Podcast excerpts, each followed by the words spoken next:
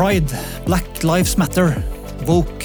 Mange aktivistbevegelser i vår tid kjemper for sosial rettferdighet. Men Bibelen forkynner også et budskap om rettferdighet, og om en rettferdig Gud. Hva betyr det? Betyr det egentlig at vi som kristne har en viktig stemme i det å bygge en rettferdig verden?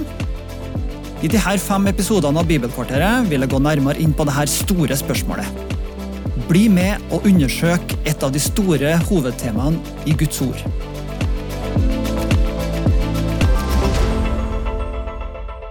I forrige episode snakka jeg om den retributive rettferdigheten, altså prosessen rundt hvordan Gud erklærer mennesker rettferdig for Han, eller det vi kaller rettferdiggjørelse ved tro. Men det er mer enn det her. Det er ikke bare sånn at vi blir rettferdiggjort og frelst til et uh, kristent liv hvor vi tilpasser oss miljøet vi er en del av.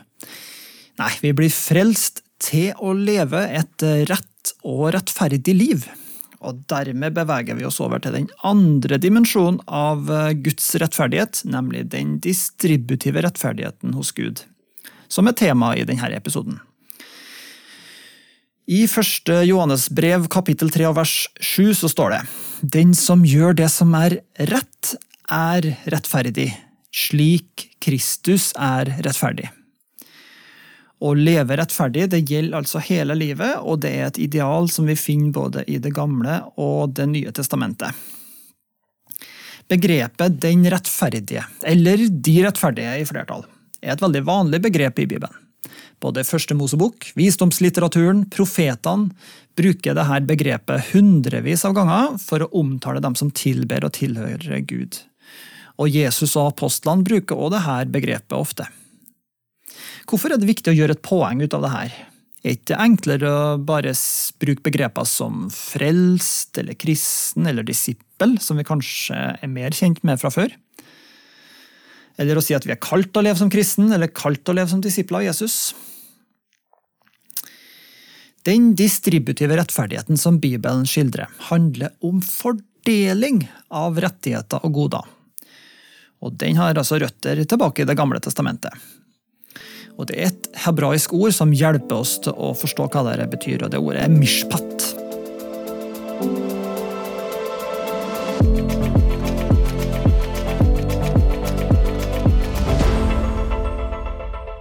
Mishpat brukes over 400 ganger i Det gamle testamentet. F.eks.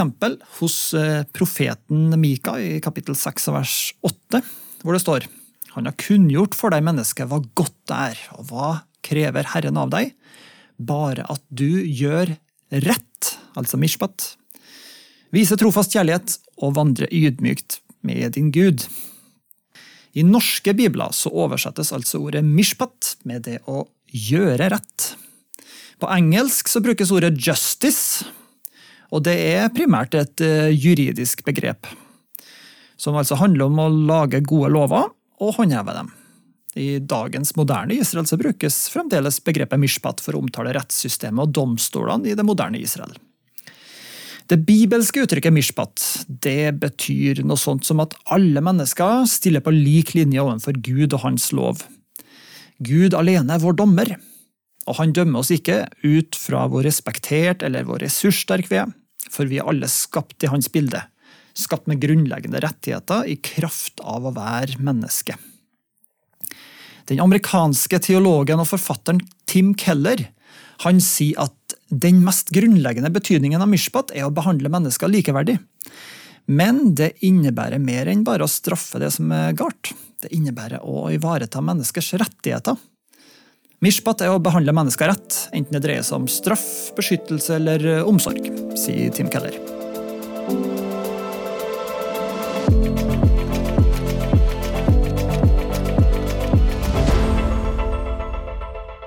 Tim Mackey, som du kanskje kjenner fra The Bible Project, han kommenterer at i 90% av tilfellene hvor mishpat nevnes i Det gamle testamentet, så settes det i sammenheng med rettighetene til utsatte og marginaliserte mennesker. Og det er særlig fire grupper mennesker som kommenteres i Det gamle testamentet. Enker, farløse, innflyttere og fattige. La oss eh, ta oss tid til å lese tre skriftsteder fra Det gamle testamentet. I Jesaja kapittel 1 vers 17 så står det Lær å gjøre godt, søk det som er rett, altså mishpat. Hjelp den undertrykte, vær forsvarer for den farløse, og før enkers sak, profeterer Jesaja.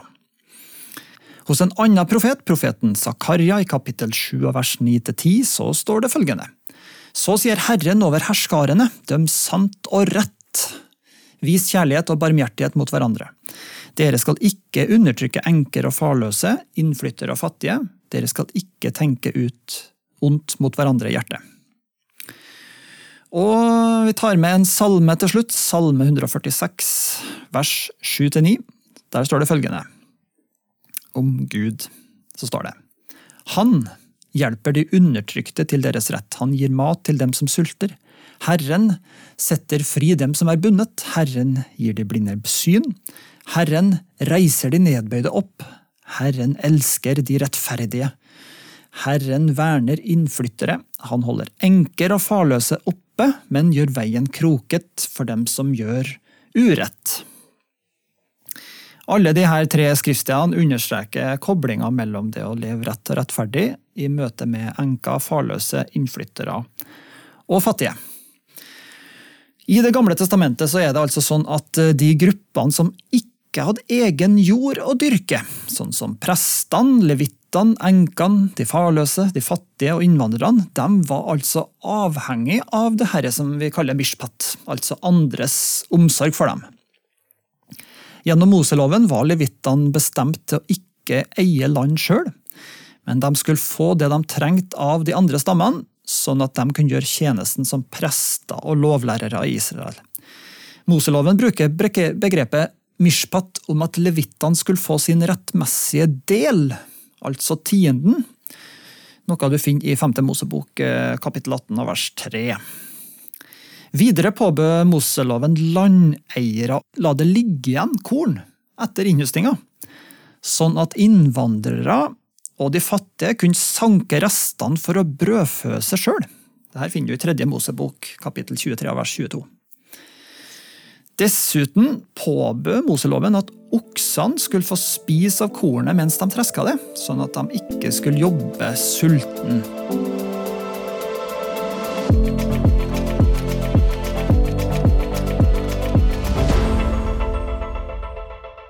Innflyttere var altså velkommen til Israel. Gud ville at israelittene skulle være vennlige mot innflyttere, og ba dem huske på at de sjøl var fremmede i Egypt i over 400 år. Samtidig hadde de ikke rett til å eie egne landområder blant Israels tolv stammer, men Gud ba de andre stammene om å sørge for at innflytterne ble godt tatt vare på og fikk det de trengte. Enker og farløse var gjerne forhindra fra å eie og drive jorda sjøl, og var dermed avhengig av at landeiere tok seg av dem og ga dem det de trengte. Og Det samme gjaldt de fattige, som kanskje hadde mista slekta sitt landområde, enten sjølforskyldt eller pga. andres urett. Poenget er altså at det å fordele rettigheter og goder, det var en viktig bibelsk tanke.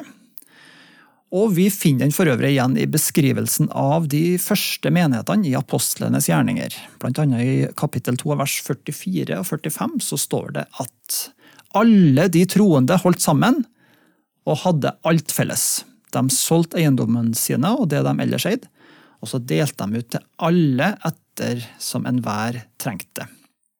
Og i kapittel 4 vers 32 så står det alle de troende var ett i hjerte og sinn. Ingen regna det de eide som sitt eget, de hadde alt felles. La oss eh, trekke trådene litt sammen. Bibelsk rettferdighet er altså en holdning av at vi alle er skapt i Guds bilde, og pga. det har vi et ansvar for å ta vare på hverandre og hjelpe hverandre som Guds folk. Og Gud ansvarliggjør oss til å sørge for at alle får det de trenger, og til å utjevne sosiale og økonomiske forskjeller. Og man kaller det for rettferdighet. Og Dette gjelder altså i særlig grad dem som faller utenfor og blir marginalisert. Tim Mackey i The Bible Project han spissformulerer det her sånn at mishpat det handler om å gjøre andres problemer til dine egne. La oss ta litt mer nerdestoff da, før vi går inn på de praktiske konsekvensene. Begrepsparet rett og rettferdighet det er fremtredende i Bibelen. På engelsk så brukes begrepet 'justice and righteousness', som kanskje gjør det litt lettere å forstå at det faktisk er to begreper som settes sammen til det her ordparet rett og rettferdighet. Og På hebraisk så er det to ord som brukes. Det første er altså mishpat, som vi allerede har brukt noen minutter på å gjennomgå. Og Det andre begrepet i det her ordparet det er tzedakka, som vi altså oversetter med rettferdighet. Moderne jøder i vår tid de bruker også for øvrig dette begrepet tzedakka. Men eh, de bruker det for å omtale det å drive veldedighet og det å hjelpe fattige. I gammeltestamentlig tid ble begrepet brukt for å leve i fred i relasjonene til andre, og ikke ha noe uoppgjort med andre. Tzedakka er altså først og fremst et relasjonelt begrep, mens eh, mishpat har en litt mer sånn juridisk betoning i seg. Setter vi sammen de her to begrepene, rett og rettferdighet, eller mishpat og tzedakka, så får vi fram essensen i det, den bibelske forståelsen av det å leve rett og rettferdig. Og Det handler om å sørge for at alle mennesker får sin rettmessige del, sånn at de har det de trenger. Og det at ikke noen har noe uoppgjort overfor andre. Dette var altså essensen i skapelsesfortellinga. Adam og Eva ble skapt i Guds bilde for å styre og ta vare på skaperverket. De var kalt til å leve rett, til å praktisere mishpat, om du vil. Og dersom Adam og Eva levde rettskaffent, så ville de fortsette å leve rettferdig i fred med hverandre og med Gud, altså å leve i tzedaka. Det samme kallet fikk Abraham. Han og hans etterkommere ble utvalgt av Gud for eh, to formål.